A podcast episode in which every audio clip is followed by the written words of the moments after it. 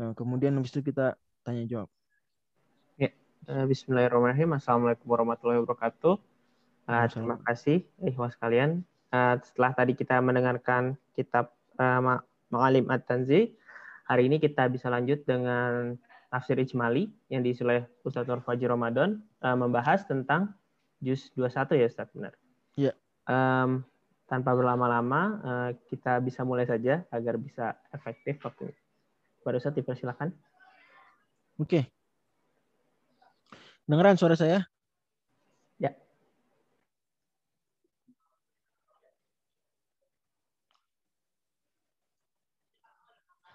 Bismillahirrahmanirrahim. Assalamualaikum warahmatullahi wabarakatuh.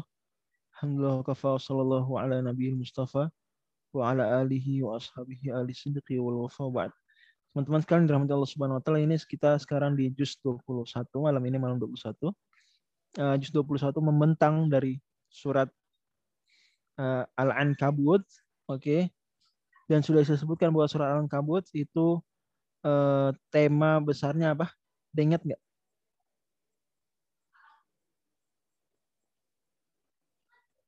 Ada yang tahu nggak apa tema besar surat Al-Ankabut? Kok nggak ada yang jawab nih? Ujian. Oke, betul. Tema besar surat Al-Ankabut ujian, fitnah. Jadi mirip seperti tema besar surat apa? Al-Kahf. Surat Al-Kahf. Malah Allah Subhanahu wa taala seperti mengisyaratkan betapa fitnah ujian Allah Subhanahu wa taala itu eh, apa ribet ya eh, berjala-jala, berjaring-jaring, menjerat rumit seperti apa? Seperti seperti jaring laba-laba, seperti jaring laba-laba. Oke. Okay. Saya saya screen dulu.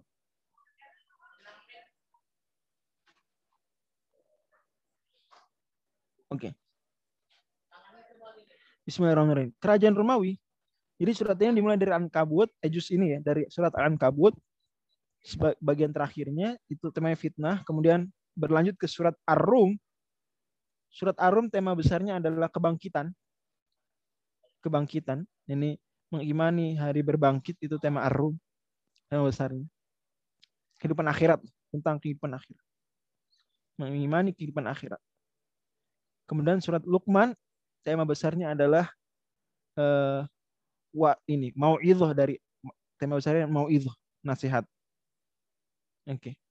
Kemudian surat As-Sajdah As-Sajdah di mana tema besar surat As-Sajdah adalah uh, hari kiamat.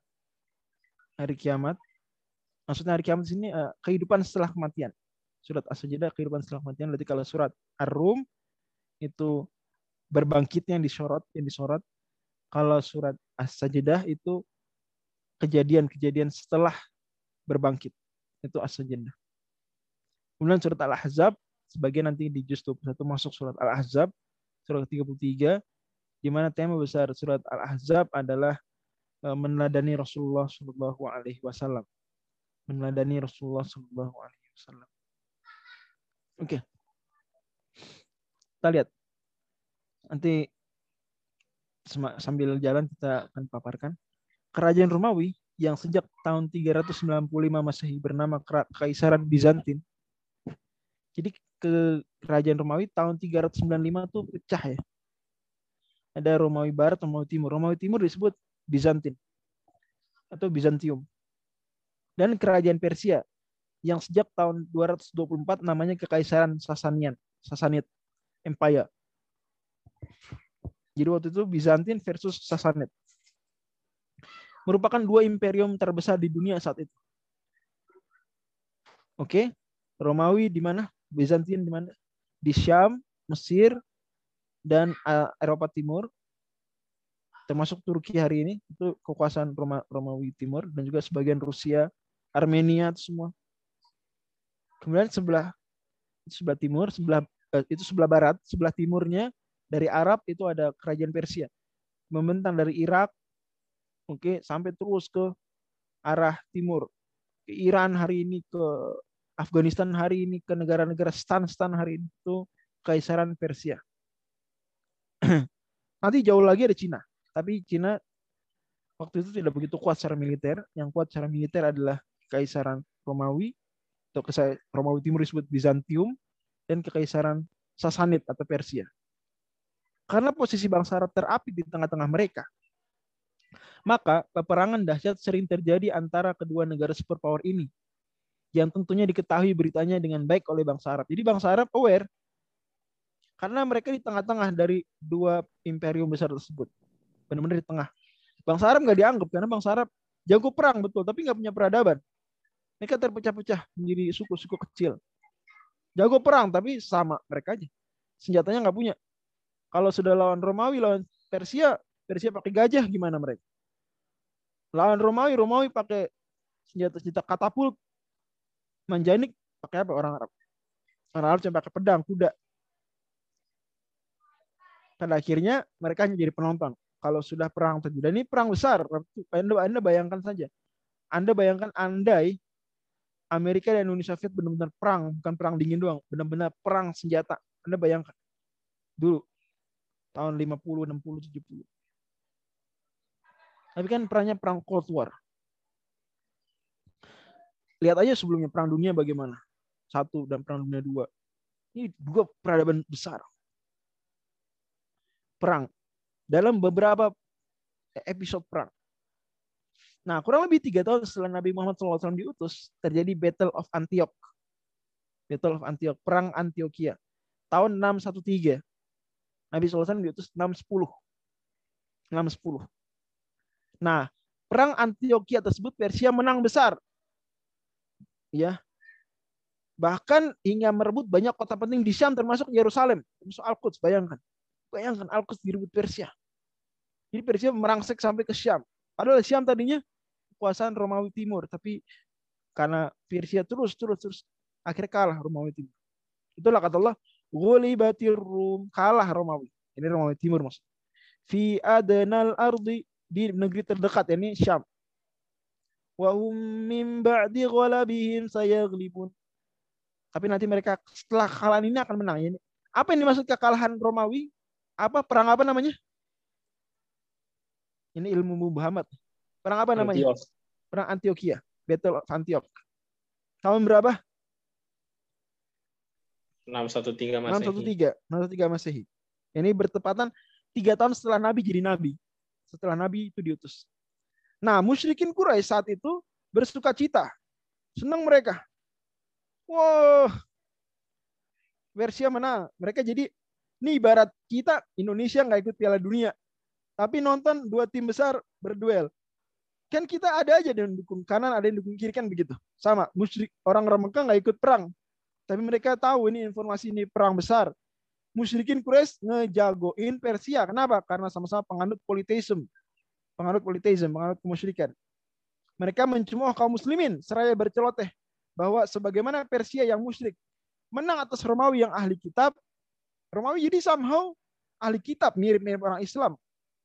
Bahkan sebelum diutus Rasulullah SAW mereka lah pengikut Nabi Isa yang ya bisa dibilang muslim yang betulan waktu itu mereka. Walaupun tentunya pada akhirnya ternodai dengan uh, kemusyrikan-kemusyrikan yang mereka lakukan seperti Trinitas.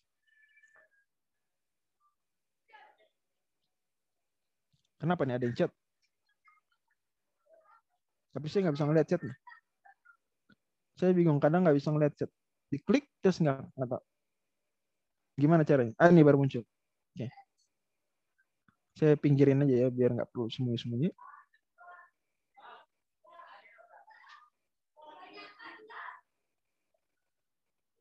Oke. Lanjut.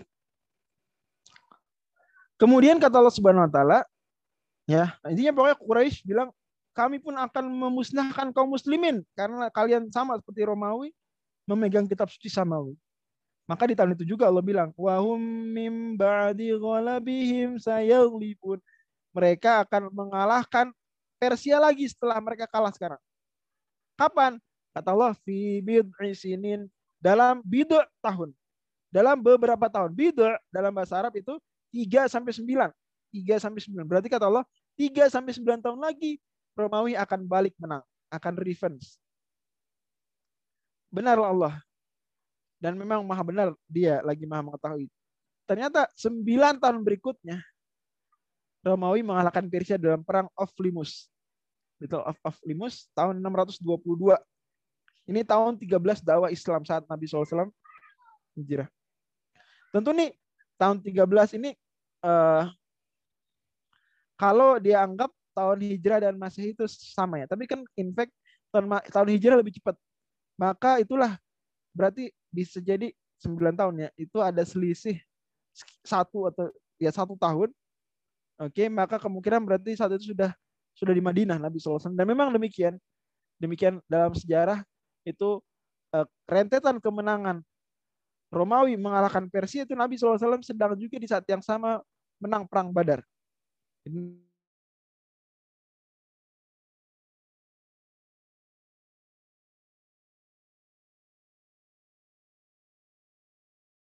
Tulis ini belum saya teliti uh, berapa perbedaannya artinya detailnya itu bulan apa.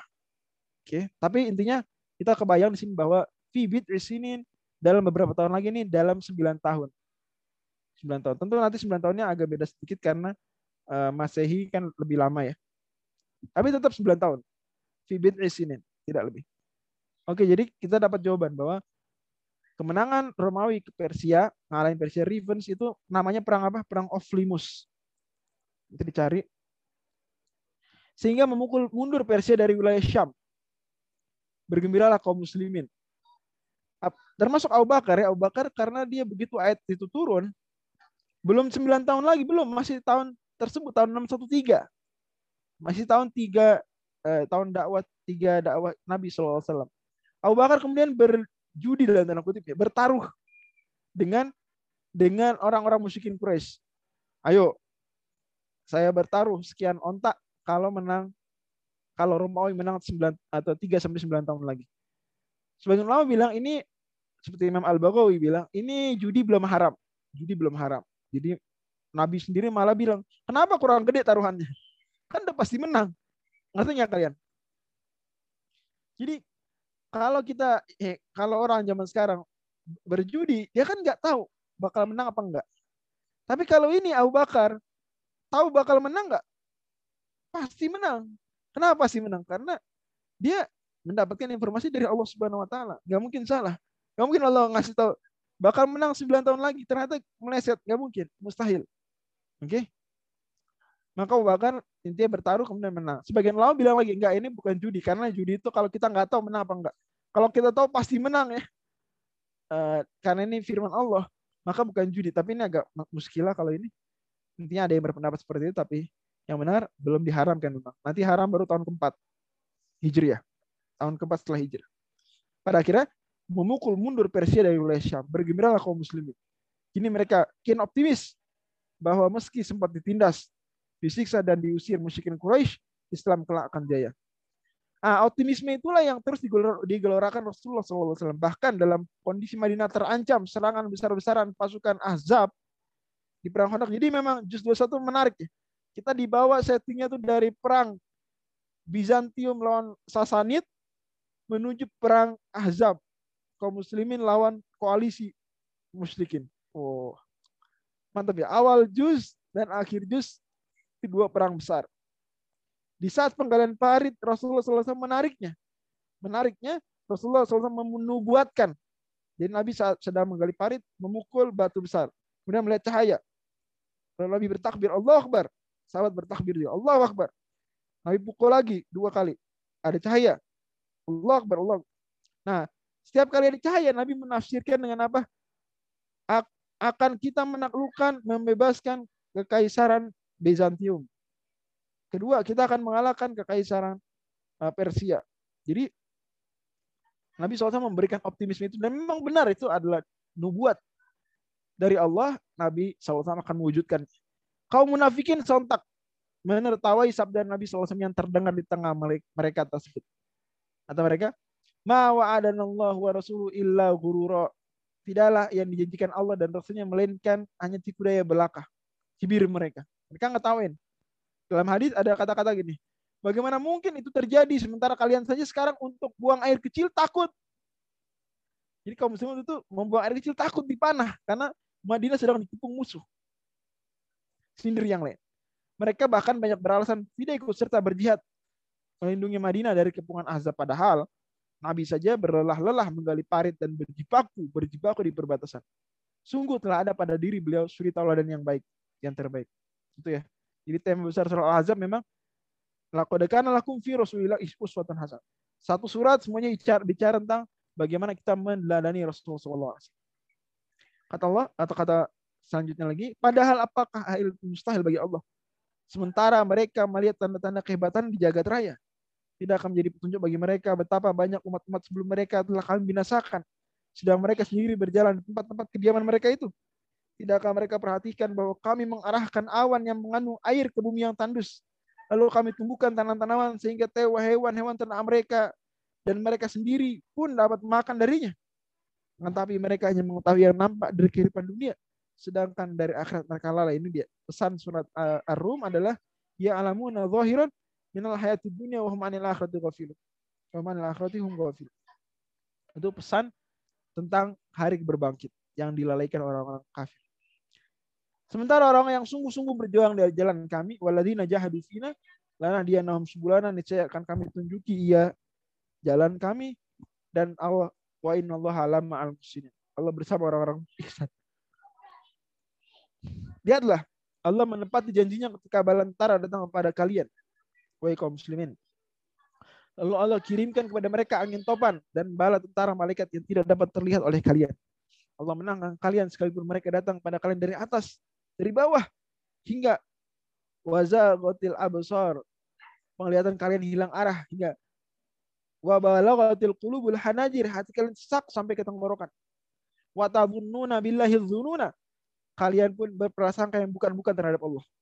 Allah menghalau orang-orang kafir itu Waraddallahu alladzina kafaru bi. Keadaan mereka penuh kejengkelan. Karena Allah kirimkan angin, mereka akhirnya harus pergi. Allah juga menurunkan Bani Quraidah yang membantu pasukan Ahzab secara khianat dari benteng-benteng mereka. Wa anzala alladzina dhaharu min ahli kitab min sayasihim. Serta memasukkan rasa takut kepada hati mereka. Wa qazafa fi qulubihim ru'ba. Fariqan taqtulun wa ta'siluna fariqa. Sebagian mereka kalian hukum mati karena pengkhianatan terhadap konstitusi dan sebagian lagi kalian tawan. Wa urasakum ardahum wa diyarahum wa amwalahum wa ardallam tata'uha. Allah wariskan kalian tanah mereka, rumah mereka, harta mereka, begitu juga tanah-tanah yang belum kalian tinjak. Ya ini tafsir ulama, ya ini Khaybar atau Romawi dan Persia. Itu maksudnya. Dan inilah yang dijanjikan Allah. Hadza ma wa'adana Allah wa rasul. Wa sadaqallahu wa rasul. Benarlah Allah dan Rasul. Kunci itu semua ialah takwa kepada Allah dengan mentauhidkannya. Menaati perintahnya, menjauhi larangannya, persis sebagaimana Luqman berwasiat pada putranya agar tidak musyrik, agar berbakti pada orang tua, agar menapaka, menapaki jalannya orang tobat, agar meyakini hari kembali dan bertanggung jawaban, serta agar menegakkan salat. Setelah memprioritaskan perbaikan diri tadi ya, maka selanjutnya ada prioritas beramar ma'ruf nahi mungkar sembari bersabar atas perjuangan untuk itu. Jika orang lain tidak menerima nasihat, jangan pongah pun jika orang lain tunduk menerima nasihat, jangan besar kepala. Pada akhirnya ketakwaan pribadi harus meningkat jadi ketakwaan kolektif dengan terus dibarengi kerendahan hati. Sebaliknya, jika manusia telah menyeleweng dari jalan takwa, atau bahkan musyrik, maka memang telah nampak kerusakan di darat dan di laut. Waharal fasori fil barri wal bahr. Bima kasabat aidinas karena perbuatan tangan manusia. Surat Ar-Rum. Kemudian azab yang lebih buruk adalah kesudahan bagi orang-orang yang mengajak kejahatan. Semakana akibat alladziina asa usua angkat bi ayatillah. Karena mereka mendustakan ayat-ayat Allah dan selalu memperolok-olokannya. Karena apabila mereka naik kapal lalu menggulung ombak yang besar seperti gunung, mereka berdoa kepada Allah dengan penuh rasa pengabdian kepadanya. Tapi ketika Allah selamatkan mereka sampai ke daratan, malah mereka musyrik lagi. Padahal Allah yang ciptakan mereka. Allah ngasih rezeki mereka. Allah mematikan. Allahul ladzi khalaqakum tsumma razaqakum tsumma yumitukum tsumma yuhyikum. Allah yang hidupkan kalian kembali. Hal min syurakaikum may yaf'al min dzalikum syai? Adakah berhala-berhala yang kalian sembah? Adakah pohon? Adakah nyirol kidul? Adakah ya hal-hal yang kalian sekutukan Allah dengannya itu bisa berbuat sedikit saja dari itu? Gak bisa. Maka semestinya mereka merenungkan bahwa seandainya pohon-pohon di bumi menjadi pena dan lautan menjadi tinta, pun anda ditambahkan kepadanya tujuh lautan lagi setelah kering dan habis tinta tadi, Mana fidat kalimatullah. Ini saya tidak akan habis-habis saya dituliskan firman kalimat Allah. Memang jika engkau, wahai Nabi, tanyakan pada mereka, siapa gerangan yang diciptakan langit dan bumi? Tentu mereka akan jawab Allah. Tanyakan lagi, apakah kalian rela jika ada di antara budak kalian, menjadi sekutu kalian dalam harta, sehingga kalian dan budak tadi sama. Kan tidak, kalian tidak rela. Kalian takut pada mereka sebagaimana takut pada sama kalian? Tidak kan? Begitu. Masa kalian jadikan berhala, nyeroro kidul, pohon, ya dan makhluk-makhluk lain setara dengan Allah Subhanahu wa taala. Gimana? Tapi pada akhirnya Nabi dan para istrinya lah yang layak bertakwa. Nabi kini dilarang memanggil Zaid sebagai Ibnu Muhammad. Anak angkat tidaklah menjadi anak dalam nasab. Tapi ingat di sini teman-teman sekalian. Jangan salah menarasikan. Ya. Jangan bilang Islam mengharamkan adopsi. Jangan. Salah. Justru sebaliknya Islam memotivasi adopsi. Karena banyak hadis Nabi SAW sabdakan, anak wa kafil yatimi ini. Aku di surga dengan orang yang mengadopsi anak yatim seperti ini dekatnya. Jadi adopsi justru ditekankan Islam, disunahkan, diperintahkan. Yang dilarang tabani yaitu mengklaim anak adopsi sebagai anak kandung. Nah, ini insya Allah jarang terjadi, tapi itu dilarang. Jadi jangan salah menarasikan ya. Jangan bilang orang karena kalau salah narasi orang jadi suzon. Dibilang Islam mengharamkan adopsi, titik. Enggak jelas makna adopsi di situ apa. Padahal tabani beda dengan adopsi. Adopsi hanya mengurus, mengat, mengasih ya makan, minum, nyokolahin, tapi tidak dianggap anak. Kandung. Enggak, dia ada aktenya sendiri. Kalau seperti ini maka tidak terlarang justru dimotivasi oleh Islam adopsi. Yang dilarang adalah tabani. Oke ya, mudah-mudahan jelas. Lanjut. Anak angkat tidak menjadi anak dalam nasab. Para istri Nabi yang merupakan ibunda kaum muslimin pun ditekankan untuk zuhud, meneladankan kezuhudan. Bahkan meminta tambahan uang saat nampak Nabi bertambah kaya pun berujung tawaran memilih antara Allah dan Rasulnya ataukah kegemerlapan dunia. Jadi gini, Nabi setelah perang Khaybar jadi makin kaya karena Khaybar ini rampasan perang banyak. Maka kemudian istri-istri Nabi ada yang tergoda ingin minta tambahan uang belanja. Nabi kan udah kaya Nabi. Ayo dong, ayo dong tambah uang belanja. Maka Allah suruh. Nabi bilang ke mereka, Kuli azwajika in kuntunna turidinal hayata dunia wa zinata fata'alaina wa matikuna wa sarihkuna sarahan jamil. Kalau memang mau kehidupan dunia sini, ku ceraikan dengan cerai baik.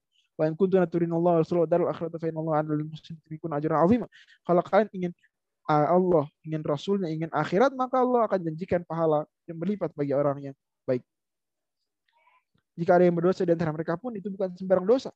Barang siapa di antara mereka mengerjakan perbuatan kejian nyata nih saya azab dilipat gandakan dua kali lipat. Wa kana dzalika Allah yasira yang itu sudah sekali bagi Allah. Wallahu ini barangkali yang bisa kita petik. Sekali lagi saya ulang, bahwa tema besar surat Al-Ankabut adalah fitnah ujian.